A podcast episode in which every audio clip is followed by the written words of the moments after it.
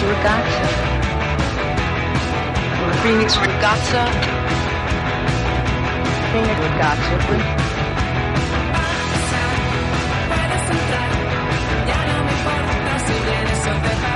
Gu, jone alaitzuri arte eta lurrola izolagea, eta hau, Fenix ragatza da.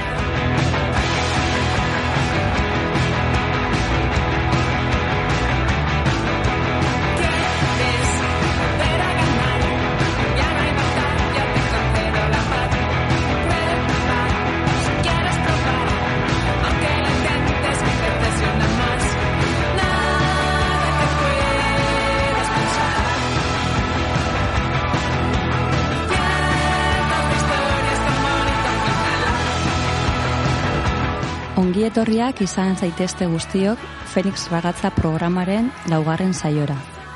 Dakizuen bezala, gure programa bakoitza emakumezko artista edo zinegile bati eskaintzen diogu.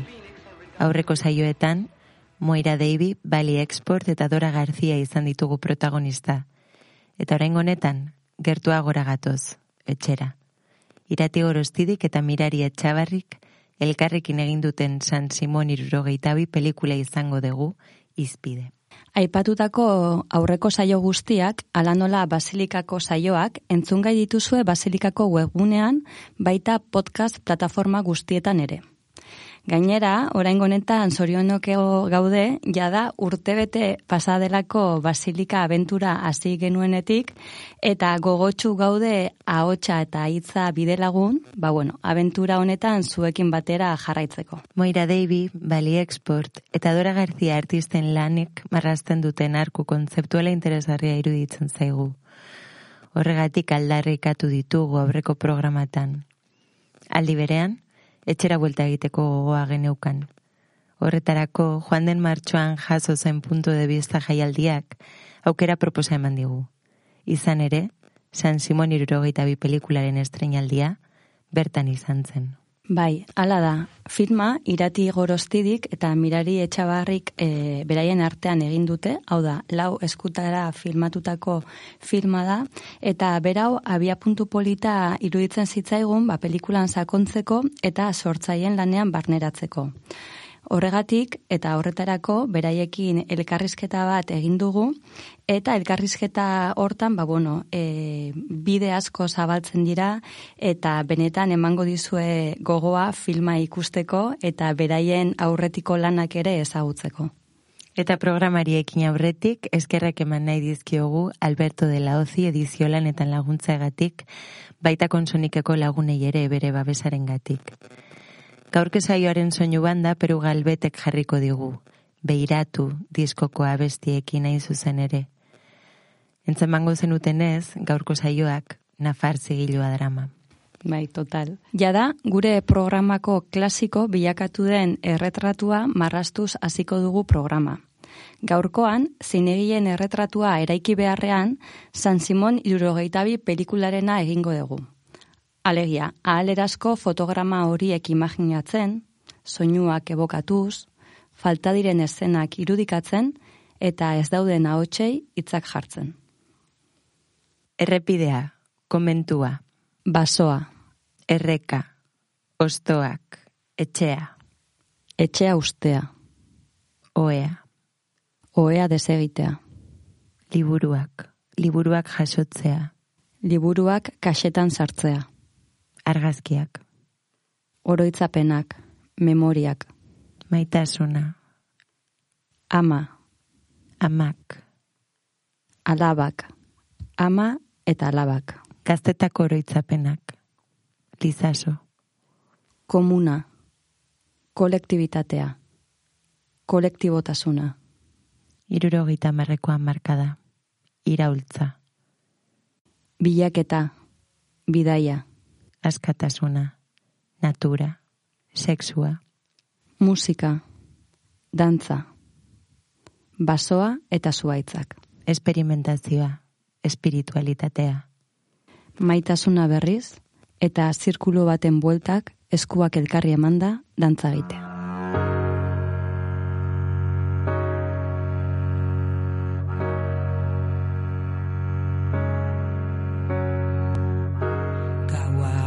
argitzen ari denian Isten dira betazalak Ta izan dako ametsura Ezote zan erreala.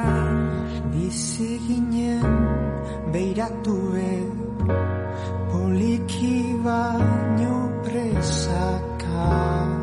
Gauak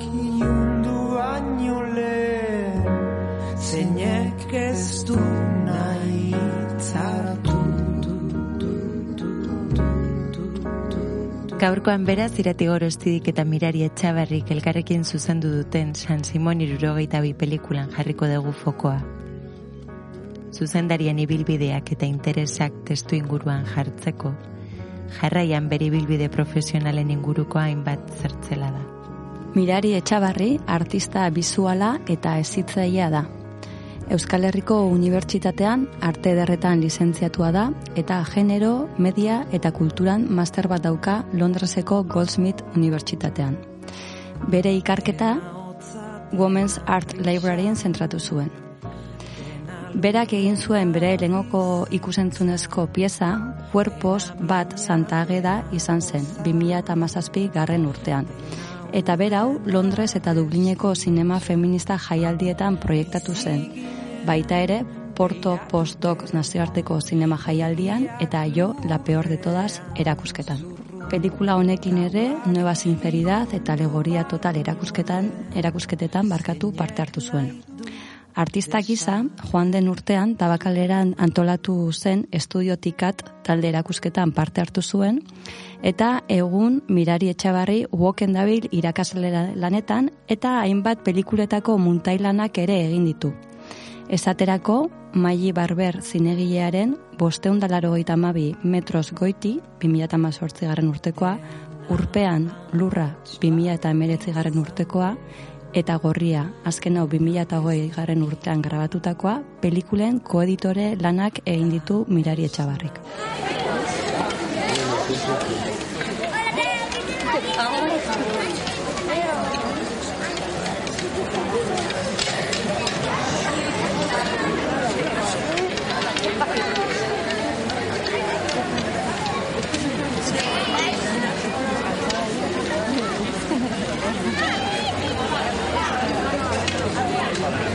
Cada 4 de febrero en la Icastola nos vestíamos de caseras y cantábamos la canción típica de la víspera de Santa Águeda, ayudadas por un bastón con el que marcábamos el ritmo.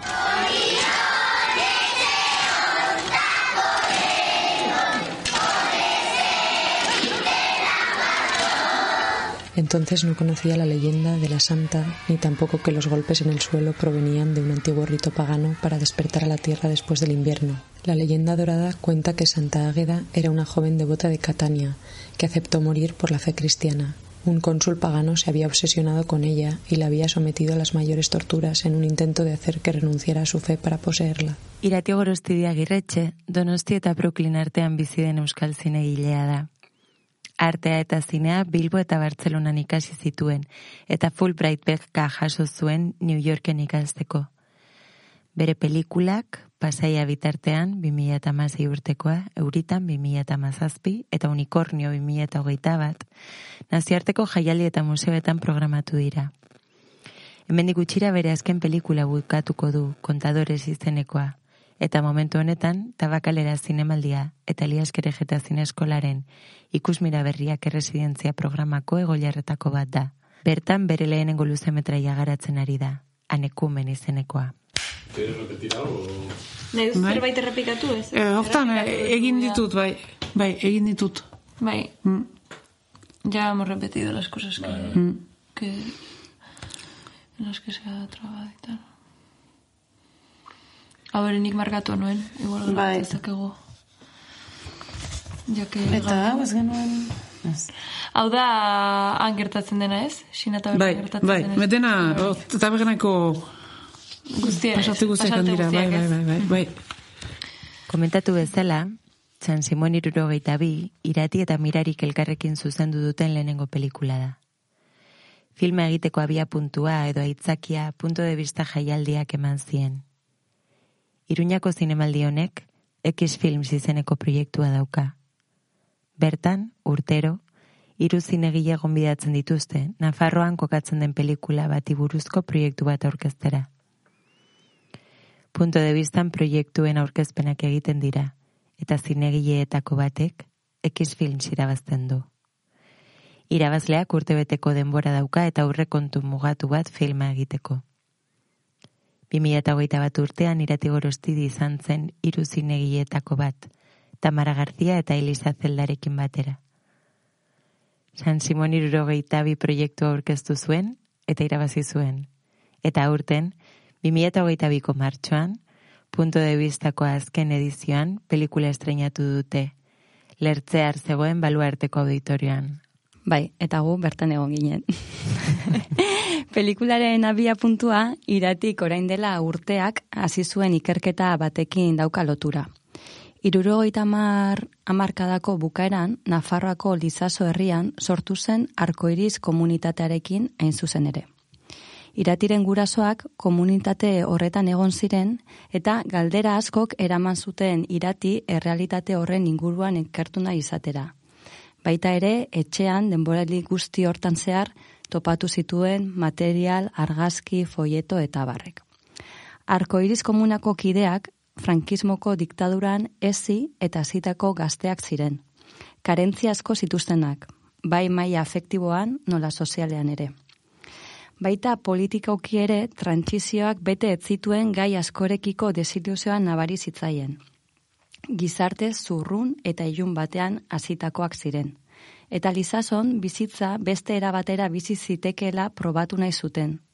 Nola, ba kolektibotasunean, naturarekin harremanetan, gorputzaren eta espirituaren zaintzan, horretarako yoga eta meditazioak eginez, eta horrela guztien ekarpenekin eta urte, bizimodu alternatibo ura eraikiz joan ziren. Iratiren guraso ez gain, mirariren gurasoak ere arko iris komunatik pasa ziren. Horregatik nahiko modu naturalean, irati mirarirekin hasi zen ikerketa hau partekatzen, biek elkarrabanatzen zijoa zen lotzen duten materiala, entzuten zituzten kontuak, testigantzak, baita komunean zituzten arko irisetik pasatako lagunen maitasuna ere. Bestetik pelikularen prozesu aurrera zijoala, irati eta mirariren amen eriotzen doluak elkartu ziren. Honek, irati mirari berarekin lan egitera bultzatu zuen, eta filmaren emaitza erabat aldatu da.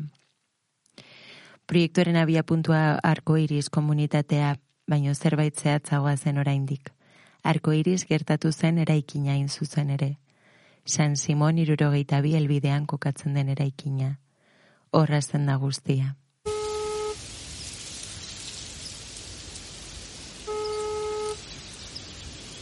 Le atiende el contestador el 6 0 6 9 5 1 4 2 9. Deje su mensaje después de oír la señal.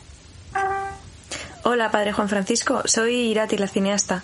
Nada, le llamaba porque queríamos saber si estos días, hoy o mañana, sería posible ir a, a filmar el convento de Lizaso. Eh, le intento llamar de nuevo más tarde. Gracias. Pelikula amasei milimetrotan dago filmatua, eta artxibo irudiak, argazkiak eta egunerokoak kombinatzen dira irudietan. Irati eta mirari ere pelikulan bertan azaltzen dira, beraien ahotsekin, baina baita kameraren aurrean ere. Bestalde, interesgarria suertatzen da ikustera nola doazen pantailan arkoiriz komunan bizi izan ziren pertsona ezberdinak agertzen. Beraien esperientzia oso modu zuzen eta egiazko batean partekatuz. Naiz eta batzuetan esaten dituzten horiek jada iraganeko kontuak eta sinismoldeak izan eta gaur egunetik oso urrutik kokatu. Soinua eta irudiaren artean lanketa interesgarri bat dago eta intimitate eta kolektibotasunaren arteko tentsioa transmititzen du. Somatzen da nolabait ere pertsona hauek, lagun hauek zehatzago esan da, mirari eta iratiren ganako daukaten afektibitatea. Ilusio handia egiten digu gaurko programan irati gorostidi eta mirari etxabarri elkarrezketatzeak, bere alagatoz beraiekin. Baina hori baino lehenago, musika pixka bat.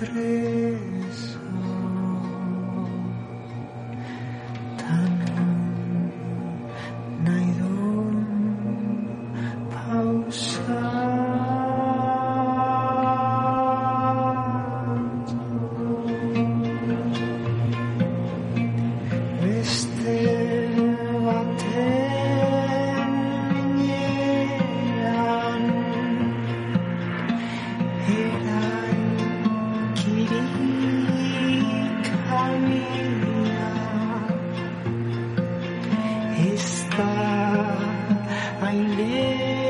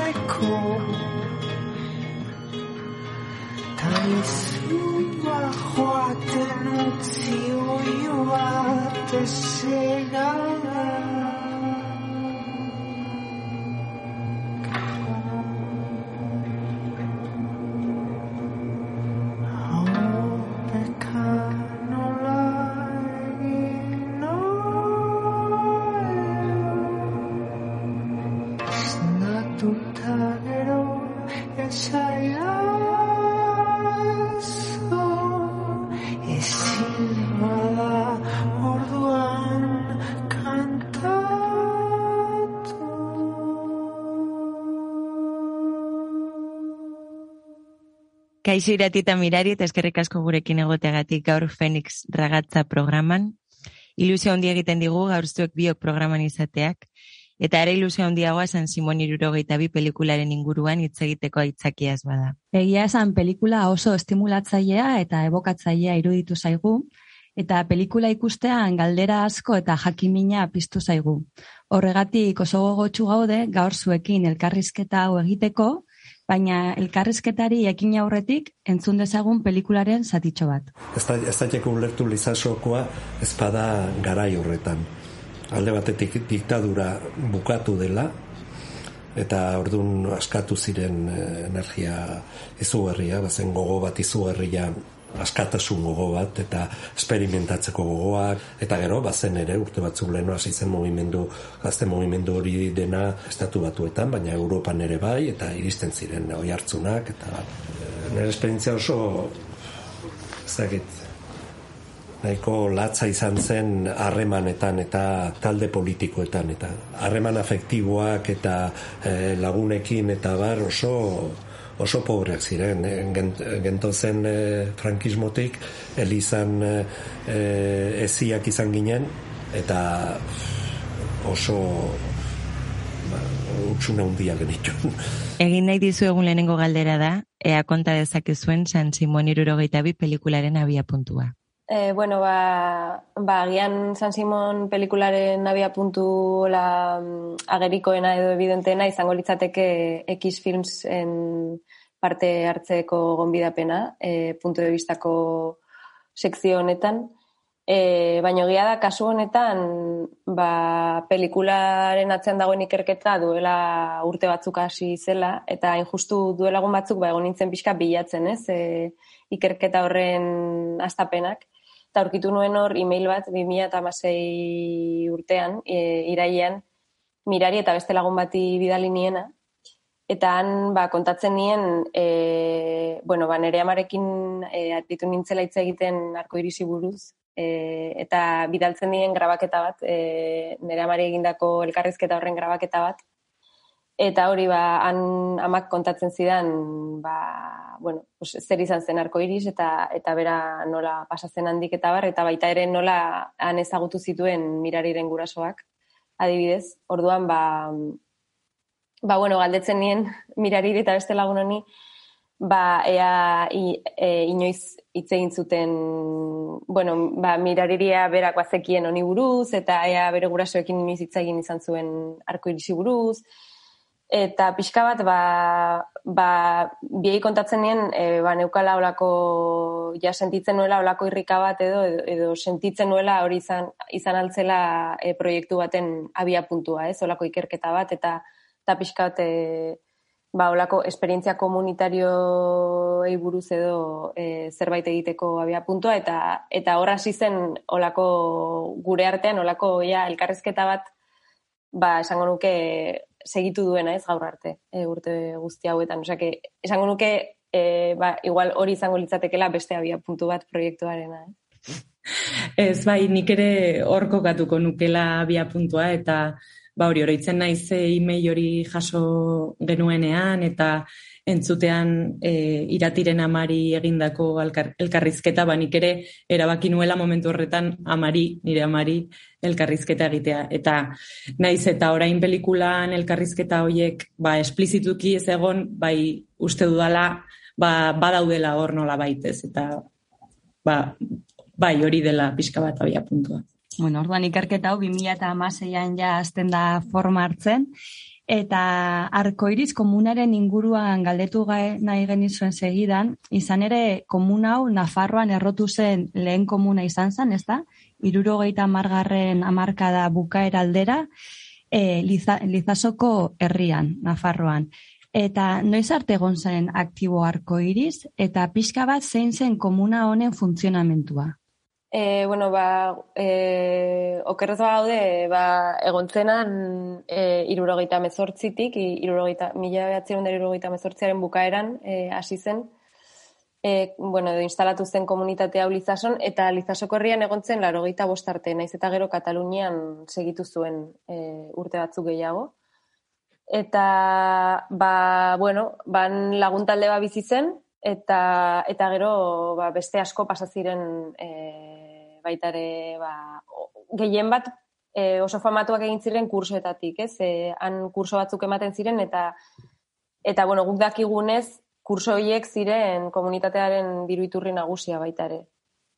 Baina, bueno, egia da, ez dela oso horrexa, hitz egitea, osea, pues, hori komunitateari buruzko datu batzuk ematea eta bar, ze, Ze, bueno, sea, gure iturri guztiak izan dira zuzenez, zuzenekoak, e, komunitatean partu, parte hartu dutenen bat estigantzak eta bar, ze ez da, osea, ezin dugu, ez dugu aurkitu e, ba, hori, beste iturririk jasotzen duenik edo dokumentatzen duenik argo iriz zer izan zen. Orduan batzutan zaila da erantzutea e, ze asko gertatzen zaigu, ez? Nola, nola pixkat ez ezaguna den, ba, galdetzen digute zer zen arko iriz eta definitzeko, ez? Eta orduan, egia neri batzutan kostatzen zaidala e, galdera horri erantzutea, ze badirudi guk esaten duguna izango dela jende guztiak asumituko duena, ez? Edo nola baite, bueno, neri hori nerezat izartzen momentu batean nahiko ba, harrigarria edo konturatzea e, ba, oraintxe Googleen bilatzen duzunean arko iris komunitateari buruzko informazioa ba, aurkitzen duzuna dela ba, hori ez, gure proiektua eta gure azalpenak orduan bai sentitzen dudala, errepenta okagula ardura bat e, ba, ba, bueno, ba, arko irizer izan zen definitzeko orduan baita ere, eta hori ez da bilatua izan, baina, bueno, igual asumitu behar dugun ardura baita ere. Proiektuaren bia, bia, bia puntu gaipatu dituzu ez, alde batetik ekiz film zen gonbidapena eta bestetik zuen arteko eta bakoitzak bere amarekin eukitako elkarrizketak. Iratizuk ekiz filmsera berez bakarrik aurkeztu zenuen proiektua eta galetu nahi nizunea zein momentutan, eta zergatik gonbidatu zenun mirari zurekin batera pieza zuzentzera?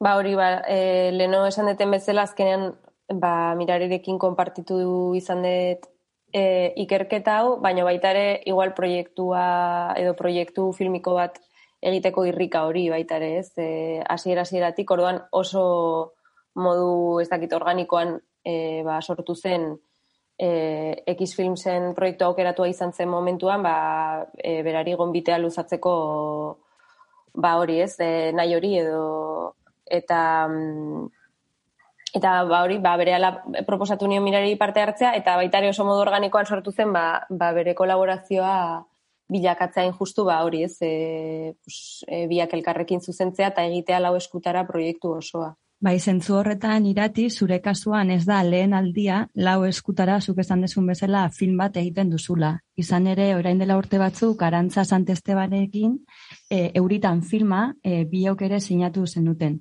oraingo aldian e, nolakoa izan da ba, mirari eta zure arteko lan prozesua, eta bai, zer nabarmenduko zenukete prozesu honetaz? Ba, bueno, osea, askotan esaten dut, eta hori itzen dut arantzarekin lanean ere hori pues, aipatzen genuela, ba, hori oso aberazgarria dela, ez? Beti beste norbaitekin pentsatzea olako lanak eta konpartitzea olako prozesuak, baina, bueno, egia da, bestaldere ez dela igual ba, lan egiteko modu efizienteena, ez? Azkenean, ba, erabaki guztiak, e, erabaki importantenetatik e, txikienetara, ba, adostu behar dira, ez? Eta orduan, ba, bueno, ba, horrek prozesua igual batzutan e, luzatzen du, baino ez dakit niri iruditzen zait oso aberesgarria dela.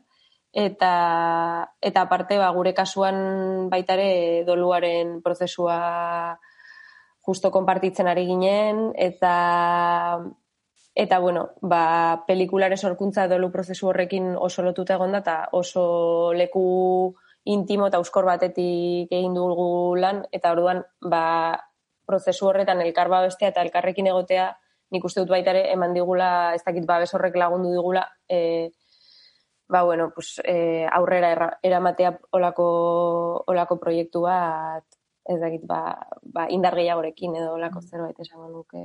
Bai. Mm. bai, guztiz konpartitzen dute iratik esaten duena eta hori oso prozesu ederra eta intensoa izan da aldi berean. E, eta bai, nik ere nabarmenduko nuke hori ez, ba, besarena edo nik behintzat oso pues, ba, bestua sentitu naizela prozesuan, e, azken aldian nabaritzen nuen e, bakarrik egiten ari nintzen gauzak, ba, ez dakit. Ez, ez niela zentzu gehiagirik e, aurkitzen edo hartzen eta eta bai, ez dakit, ba, elkarrekin lan egitea e, edo lan egitean bai aurkitu dudala zentzu gehiago eta eta ez dakit, babes politori, ez? Material ezberdinak e, aurkitzen ditugu pelikulan, ez? Alde batetik amasi milimetrotan zuek e, filmatu dezuen materiala, baina badaude baita bideo artxiboak, badaude argazkiak, badaude egunerokoak. E, galdetu nahi nizuenean nola egin dezuen lan materialan iztasun honekin? Ba, bueno, hasierako premisa San Simonena izan zen e, lizasora gerturatzea, ez? Eta han bilatzea ba, e, prozesu, osea, e, arko irizen esperientzia horren aztarnak edo ez. E, bereziki San Simon kaleko irurogeita bigarren zenbaki horretan dagoen komentura joatea eta eta bilatzea hor bueno, ba, zea astarna fisiko edo aurkitzen genituen, ez? Eta, bueno, ba, komentu horrek baita ere esan behar da gaur egun e, berreskuratu duela bere erabilera originala, osea, berriro komentua da, orain, han fraileak bizi dira orain e, klausuran. Gero hori izango litzateken eretat materialetako bat, ez? Gero bazegoen artxiboko materiala lurra aipatu duzun bezala, e, argazkiak eta publikazioak eta tekstuak eta, bueno, alde batetik ba, komunitatean bertan sortu ziren dokumentu guzti horiek, Eta gero baita ere, ba, gure hemen egunerokoak, edo argazkiak ba, pertsona ezberdinen artxibo pribatuko argazki pertsonalak, nun, nun ikusten den espazio hori bera, ez? Oso, oso zentroan jarri genuen espazioa, ze, ze nola ginen arakatzen, ba, ba hori ez, espazioan bertan ba, aurkitu algenituen markak besteak beste, e, ba hori, e, azkenean X-Filmseko premisa delako ba, Nafarroan grabatzea proiektu bat, orduan baz, bazukan premisa territorial hori bezala ez, mm. nun, nun, nun ba, importantea zen e, kokapenaren kontua. Eta bueno, gero, pues hori ez, e, material guzti hori ulertzen lagundu diguten pertsonak, alde batetik lizasoko herritarrak, e, gero bereziki lizaso, ere, oza, arko iris komunitatetik pasa ziren lagunak, eta bar. Orduan, bueno, ba, ba, elementu guzti horiek azkenean guk tratatu ditugu perspektiba oso pertsonal batetatik, e, zentroan jarriz e, pixkat gure amak, eta beraien ba, beraien ibilbidea edo, eta eta ba, elkarrizketatzen genuen orori galdetzen genion ba, zer, zer guzti duzu, ez, e, eraman zituela beraiek arko irisera. Hori izan zen pixka bat abia puntua eta horrek azkenean e, baitare erabili dugu lokarri bezala, ez? E, bai herrian e, jendea elkarrizketatzen genuenean, baita arko irisetik pasatako beste pertsonei galdetzen genienean, edo inkluso fraileekin hitz egin dugun aukeretan, naiz eta gero hori ez dugun pelikulan sartu alizan, ez? E, orduan, pues hori izan da baitaren modu bat, azpimarratzeko e, arko irisera begiratzen dugunean, ba, oso perspektiba intimo batetatik egiten dugula, ez? Eta pixkatari garela bilatzen esperientzia horren eta gure artean dagoen lotura, ez intimo hori, ez hainbeste, ba, e, nola baite, arko iris komunitatearen e, olako, ezakite, e, irudikapen objektibo bat e, bilatzen ari garela edo. Bai. Bale, oso ondo. Bai, irati, aipatu desun pertsona hauetara bueltatuta, egia esan pelikulan oso polita dela, bazelan zoazten e, arko irizen parte hartu zuten e, pertsona hauen e, bueno, ba, esperientziak edo aurkezten, eta egia da, beraien testigantzak bai direla oso zuzenak, oso egiazkoak, eta ere nabari da, ba, zuekiko e, nolabaiteko afektua edo maitasun handia, ez? Maitasun handiz, hitz egiten dizuete eta eta bueno, galderei ere oso era frankoan erantzuten dizuete eta honekin pixkat harremanduta, e, ba bueno, galdera izango litzateke nola heldu zineten beraiengana eta nola hartu zuten beraiek ere, ba pelikula honetan parte hartzeko gonbidapena. Ba, bueno, e, hori pertsona ezberdinak ateratzen dira pelikulan eta modu e, bueno, edo harreman ezberdinak genituen haiekin eta modu ezberdinak erabili ditugu haien gana ez e, jotzeko. Alde batetik badaude e, Lizasoko edo herriko edo herriaren, bai, herriko bigizon, ez, e, esne saltzailea eta ostatua laro gigarren e, amarkadan eramaten zuena. Eta hoien gana, bazuzenean e, jo genuen, joan ginen herrietara, ez, borrontzera eta lizasora. Eta eta hasi galdetzen herritik eta eta bueno, ba, topatu ginen haiekin eta nahiko e, oroitzapen polita eta ederra zuten eta gogoak zituzten, ez, e, gogoa zuten e, parte hartzeko ere.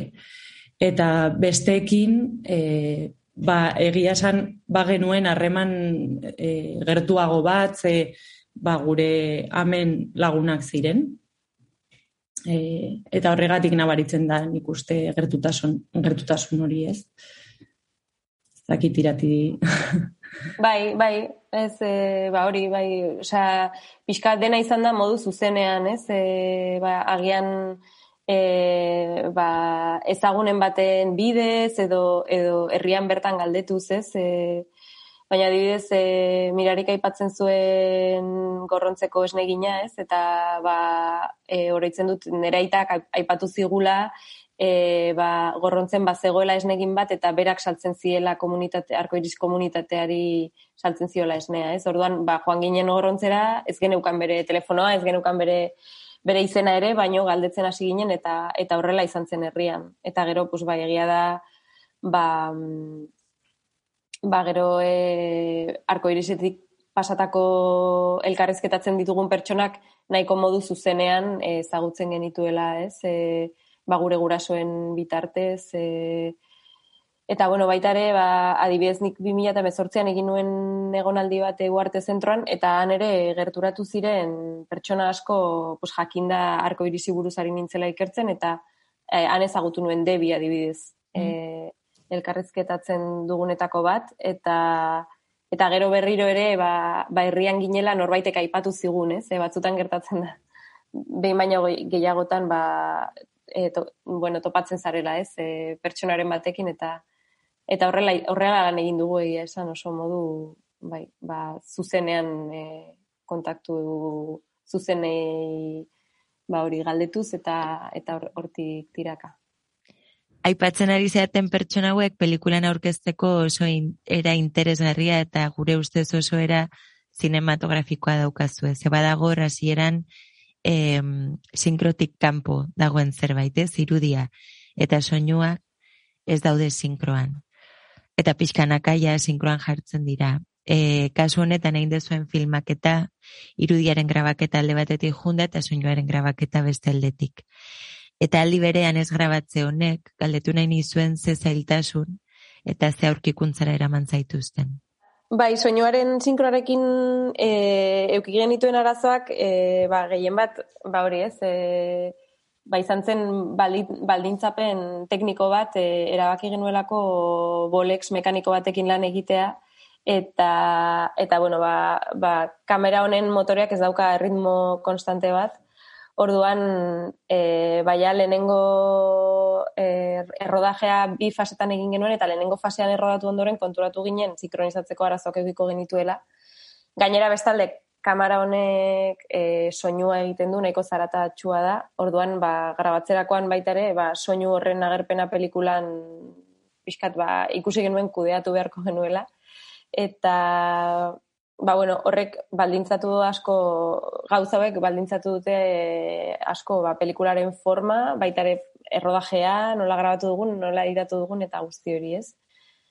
Eta, bueno, ba, ba, lehenengo rodaje fase horren ondoren, erabaki genuen ja ez genuela soinu sinkroniko gehiago grabatuko. Ez, ez, ginen, ez geunden ziur e, soinua sinkronizatzea posible izango zela. Eta, eta orduan hasi ginen pentsatzen soinu sinkronikoarekin lan egiteko eta muntatze, muntatzeko estrategietan, ez? Bai, gero izan zen e, muntaian, ba, e, lortu genuela azkenean zati batzuk sinkronizatzea, eta ikusi genuen, ba, hasi ginen horrekin jolasten, ez? E, e, geneukalako bai genituz, genituen zati batzuk, baina beste batzuk noski ez. Eta, bueno, zaila izan da, pues, e, ez da erraza izan, ez? E, e, horrekin lan egitea eta lortzea ba, emaitza bat e, pues, ezagit, gust, e, pozik geratzea, ez, emaitzarekin, baina azkenean ikuste bai lortu dugula ba, zerbait interesgarria behintzat. Bai, guri bentsat asko gustatu zaigu. Mm. Bai, eske ni Bai. gainera pixka bat soinua eta irudiagian sinkrotik kanpo ikuste hori, lotzen dut baita pixka bat e, zinearekin edo zinearen bitartez iraganera begiratzen dugun keinu horrekin berarekin, ez? Zenola baitez gaude iragan horretan, baina orainera ekartzen saiatzen gea, baina keinu horretan desinkronizazio bat dago ere, nola baitez? Eta iruditzen zait oso estrategia Mhm. cinematografiko potentea dela. Mm. Bai, bai, polita egiten duzun interpretazio metaforiko hori Bai. lur. E, niretzat baita ere badago zerbait dela agian gu pelikula egiten hasi ginenean ere ez genekiela zer Osea, zein izango zen pelikularen pixkat eh, ez dakit, lenguaia edo estiloa edo ez, eh, ez genekien ze pelikula egin behar genuen eta batzutan horren bilaketa horretan ez ze pelikula egin behar duzun bilatzen ari zarenean, ba, nei iruditzen zait, osea, igual oso zaila dela jakitea ze pelikula egin nahi duzun, baino bai bageneukala argi ze pelikula ez genuen egin nahi. Eta ba, bagenekien ez genuela reportaje bat egin nahi, ez, adibidez. Ez olako, edo reportajearen hizkuntza izango zuen e, ba, ba, pelikula dokumental bat egin, ez? Baino bestalde, badakigu, ba, edo, edo niri iruditzen zait, ba, hor- hizkuntza horiek edo e, eraikitzeko errelatoak edo pelikulak eraikitzeko forma horiek ditugula oso barneratuak, ze asko jaso ditugu, asko ikusi ditugu telebistan, e, e, hori, hori da gehien jaso dugun e, egiteko modua eta gauzak e, ordenatzeko eta eta azaltzeko modua, ez? Orduan, ba, alako baldintzapen teknikoek batzutan behartzen zaituzte beste modu batzuetara eraikitzen. Eta orduan, ba, nik uste dut baita ere amasei milimetroak eta bolexa erabiltzea, ba, batzutan badirudi olako kapritxo eh, estetiko bat, baino nik uste dut azkenean olako baldintzapenak baita ere eh, aldatzen dutela edo ez dakite, markatzen dutela e, oso erabaki horrak direla baita ere pelikularen forma eraikitzeko eta errodajea eta bueno, pelikularen aspektu guztiak e, eraikitzeko oso modu sakonean eta azkenean ba, hori izan da interesgarriena, ez? Eta horrek uste dut behartu gaituela beste pelikula mota bat egitera eta aurkitzea gure bidea, ez? E, pelikula egiteko. Em, pixkat honekin jarraituta irati eta agian oso begibistakoa den galdera da, baina bueno, amasei milimetrotan e, filmatzearen atzean badago erabaki bat, ez da? Eta zure azkenengo pelikuletan, bueno, amasei milimetrotako autua oso nabaria da, e, zergaitik hautatzen duzu amasei milimetrotan grabatzea? Ba, bueno, ba, pixka bat e, azaldu dudanagatik, ez? E, bada hori azkenean iruditzen zait, badaudela e, amasei milimetrotan grabatzeak baldintzapen batzu jartzen dizkizula, eta bestela, ba, nik badauka tendentzia bat dela normalean e, proiektuak muntaian edo proiektuen egitura muntaian e, erabakitzea edo definitzea. Eta zentzu horretan, e, ba, masi milimetrotan grabatzeak baita izan da nere burua behartzeko modu bat e, beste modu batean lan egitera, ez?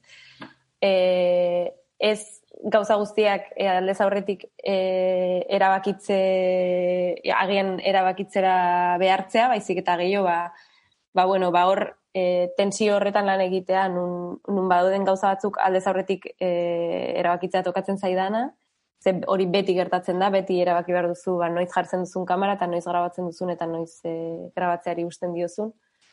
Ze azkenean pentsatzea digitalean grabatzen duzunean ba, aukerak infinituak direla ere ez da egia, baino e, iruditzen zai batzutan digitalean grabatzen dugunean daukagula sensazio hori, ez? Eta oso zaila dela ba, errodajean bertan e, erabakiak hartzea, ez? E, ze badaukago lako tendentzia bat e, ba, pentsatzera ba hori, e, pixkate ba ez dela amaigabea dela, ez? E, digitalak e, pixkate grabatzeko ematen digun aukera.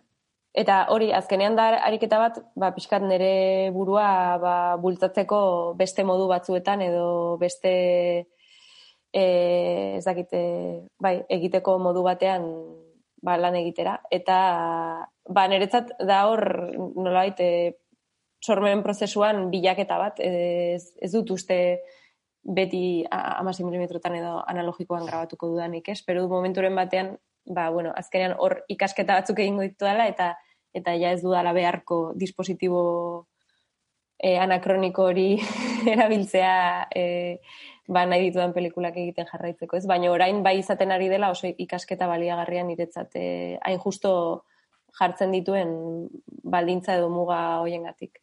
Mm Pelikularen beste elementuetako bat da zuek atzaratzen zeatela pelikulan bertan eta galetu nahi nizuenea hori hasieratik eukizen duten garbi. Eta gero behin prozesua bukatuta puntu de vistako pantalla hundian zuen burua ikusi zenutenean ere nola sentitu zineten.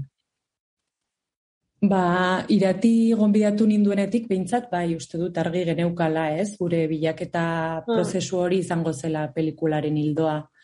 Eta horrelako harreman intimo bat sortu nahi genuela kamerarekin, ez, bata bestea grabatuz.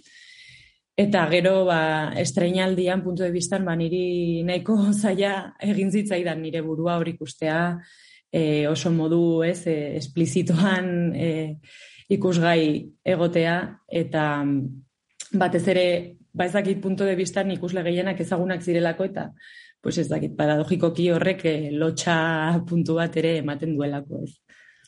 Bai, nik oroitzen dut hasiera batean ba geneukala hori, ez? Ba pixkat hau mai gainean, ez? E, kontu hau nola agertuko ginen gu, nola aurkeztuko genuen gure burua, e, baitare uste dut nahiko hasieratik, ez? Ba, ba geneukala argi, ba osea, lan egingo genuela guk bakarrik.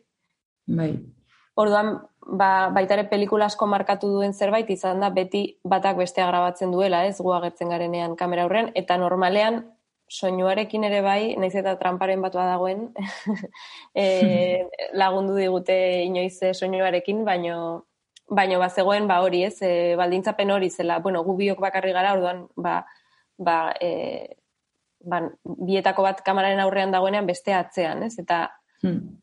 Hau, hau igual oso evidentea da, baino, baino e, gero hor badaude zailtasunak, ze normalean baita ere hau beste konbentzio bada eta ikusten dugunean pelikula bat edo reportaje bat edo enun bi protagonista edo bi pertsonai dauden, naiz eta beraiek ari diren e, nolait pelikula kontatzen edo beraien ikuspuntuari garen lantzen normalean beti ikusiko ditugu bi pertsona horiek elkarrekin momenturen batean, ez? Eta guk hor, ba, erabaki genuen e, ba, hori ez egitea, ez? E, beti, beti bat zegoen kameraren atzean eta beste aurrean.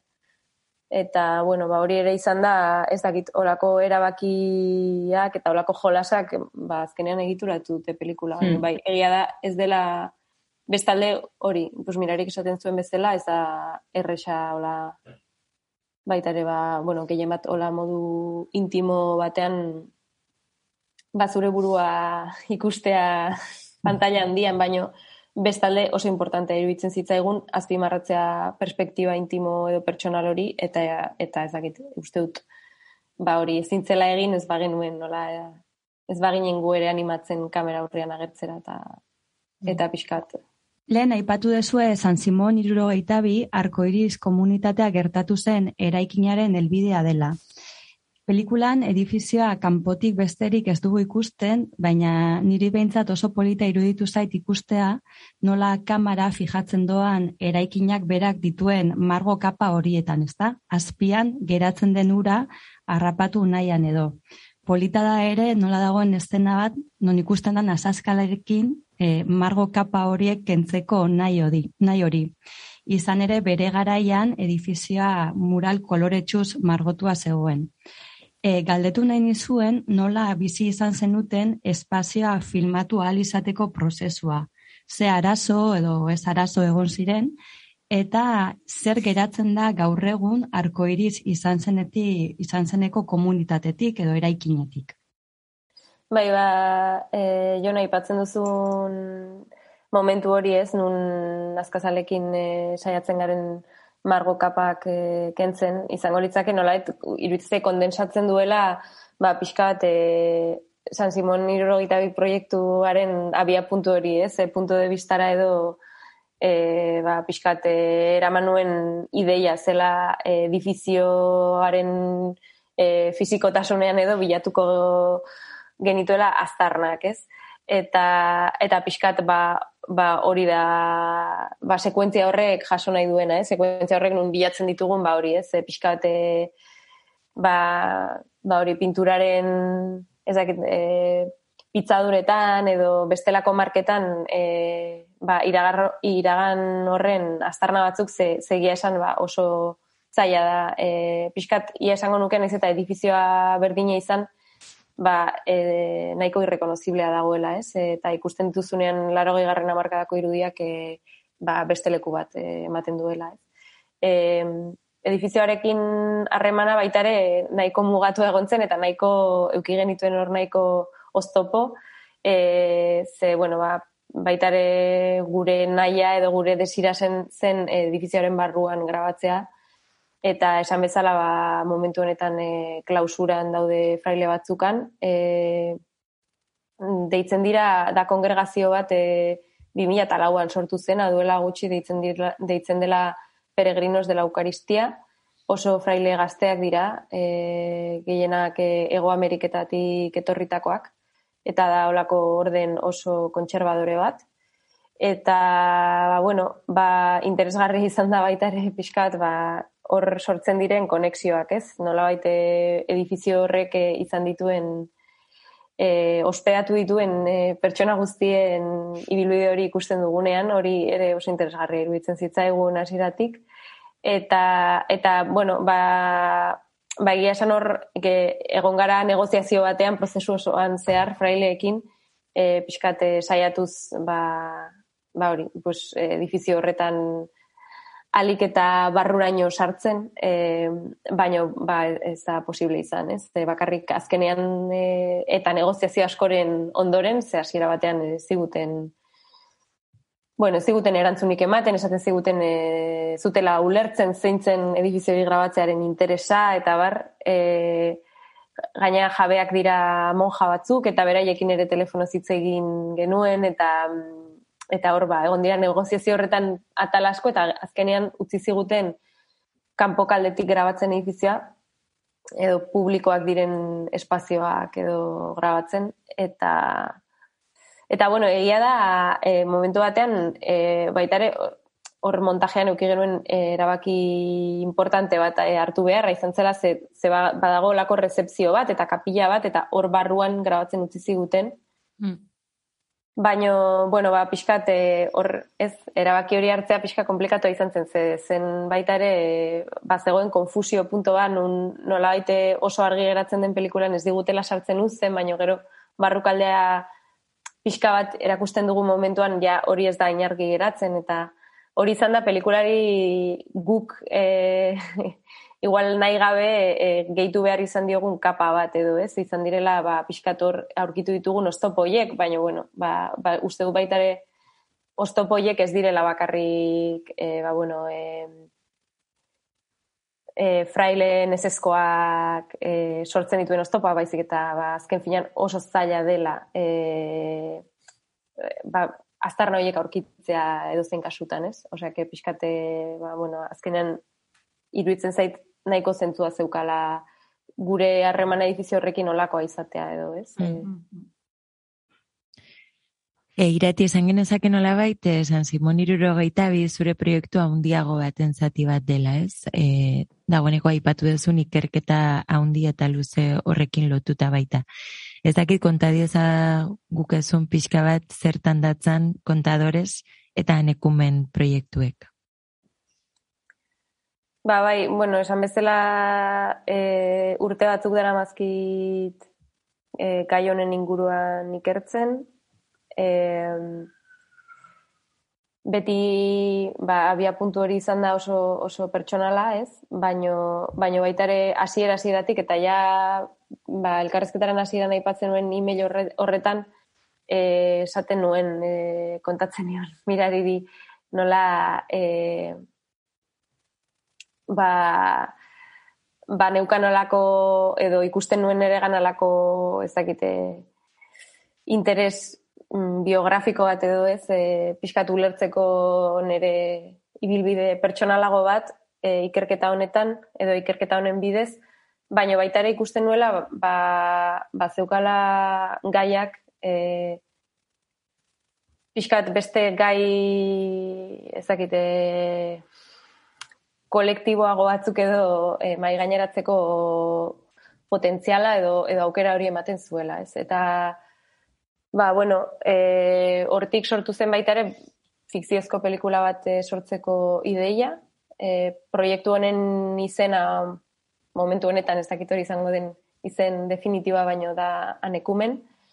Eta han jasotzen, bueno, edo jaso nahi ditut, e, ba, pertsonai batzuen ibilbidea e, ba, Gipuzkoako langile mugimendutik e, arko zen itxurako komunitate batera, ez? E, pixkat zein da, zerk eramaten dituen ba, ba, batetik bestera. Eta e, baitare proiektu honen baitan sortu da kontadores, e, dela oraintxe bukatzen ari naizen pelikula laburu bat, jasotzen duela injustu ba, e, arko iris komunitatera sartu baino lehenagoko momentu hori, ez? Nun gazte talde bat, e, ba, ba, hori, gipuzkoako langileen mugimenduan oso oso ba, sartuta egon diren gazteak ba, ikusten duten pixkate alako dauden alako krisi existentzial momentu batean eta ari diren pixka pentsatzen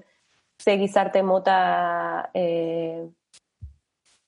ba, zegizarte motatan nahi duten bizi eta nola, nola gauzatu edo nola saiatu e, ba, ba hori, e, nahi duten modu horretan bizitzen, ez? Eta kezka hoien, kezka hoien inguruan e, dabil pixkat pelikula, oraindik ez dakit e, oso ondo zin izango den forma eta eta aurkitzen ari naiz e, baitare pelikulak jorratuko dituen gaiak ez horretarako San Simon irurogeita bi egitea oso, oso erabilgarria izan da. Ze, ze nik segitzen dut orain dikan intuizio ritiraka, ez? Eta, eta pixkanaka, pixkanaka noa urkitzen ba, zeintzuk diren orgakoak, ez? Eta hor oso interesgarria izan da, ba, bueno, gehien bate komunitatean egon ziren pertsonei egindako elkarrezketa horiek nun hitz egin dugun, ba, bueno, ze, zeintzuk ziren beraien asmoak, eta gero ze beharrak zeuden asmo hoien atzetik, ez? Alde batetik, ba, kolektiboaren e, pertenentziaren behar hori, eta norak kudeatzen zen hori, perspektiba nahiko utopiko batetatik garai hartan,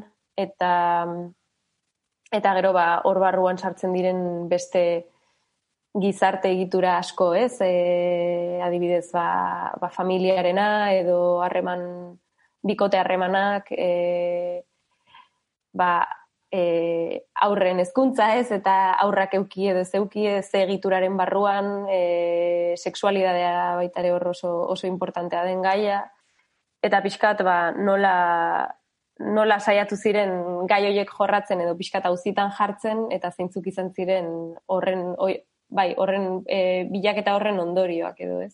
Mm. Osea, que, bueno, ba, azkenean gai guzti hauen inguruan iruditzen zait milaka proiektu aldirela jorratu, dira oso gai interesgarriak eta eta oraingoz ba hiru hauek eskuartean, baina bueno, ikusiko dugu. Eskerrik asko mirari eta irati, plazerra izan da zuekin San Simon irurogeita bi kontasunean eh, hausnartzea edo pentsatzea. Eta hemendik jendeari gomendatzen diogu alduenean pelikula ikus dezan. Mhm, bai, e, ba hori, oso pozik ibili gara, zuekin solasean tartetxo honetan, eta, eta bueno, ba, lurrek esaten duen bezala, ea laster ikusi dezakegun berriz ere pantalla hundian San Simon iruro itabi. Mila esker. Eskerrik asko, zuei. Bai, zuei. Bai, plazerra izan da, eskerrik asko.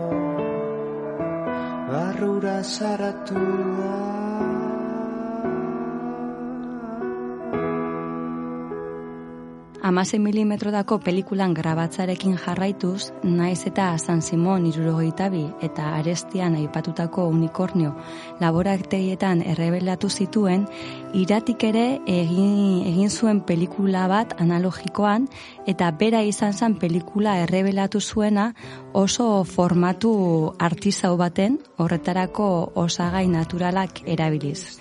E, pelikula hau otil dauka izena, e, iratik 2018 garren e, urtean grabatu zuen, ezkio itxaso herrian, eta bertan e, okin bat agertzen da bere eskuekin e, ogiaren e, masa hori egiten, oso, oso pelikula interesgarria ere ikusteko, eta kasu honetan aipatu ezala iratik osagai e, naturarekin, ala kafea, vitaminak, e, pelikula errebelatu ahal izan zuen. Pelikula hau gainera, azpi donostiako espazioan, e, egon zen ikusgai atea izeneko proiektuaren testu inguruan.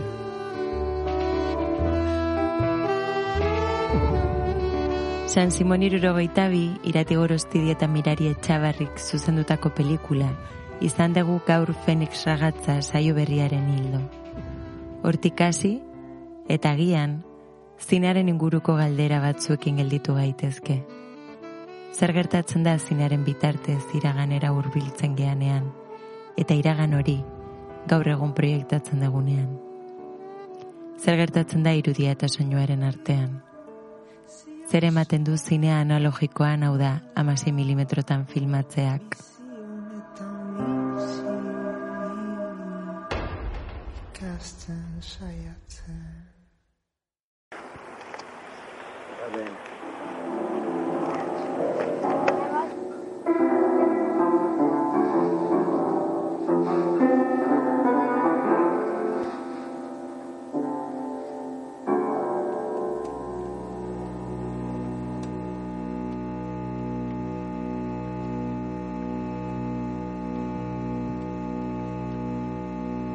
Judizio generalaz nola horit ez dira.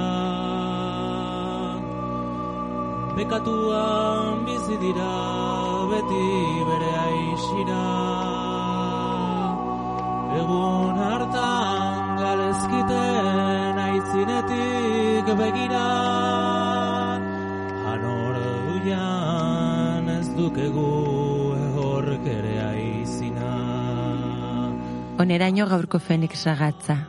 Espero dugu irati gorostidi eta mirari etxabarriren San Simon irurogeita bilana, ezagutzea gustatu izana. Ikusteko aukerarik badaukazue, egin zalantzarik gabe. Bai, gainera jakin badakigun non erakutsiko duten urrengoko hilabetetan, ez da? Izan ere e, Madrileko... Dokumenta Madrid izeneko jaialdian, egongo da ikusgai, Bai. San Simon irurogeita bi. Así que alba dezue, mesedez aprobetxatu. Hori da. Bai, merezi du filmak. Eta gogoratu programa honen inguruko erreferentziak eta informazio gehiago jaso nahi baldin badezue, Basilikako webunean daukazuela ikusgai eta kontsultagarri, eta Basilikako gainontzeko programa eder guztiak entzuteko ere, podcast plataforma guztietan aurkituko gaituzue. Mila esker eta Eskerrik asko. eta hurrengora arte. Hurrengora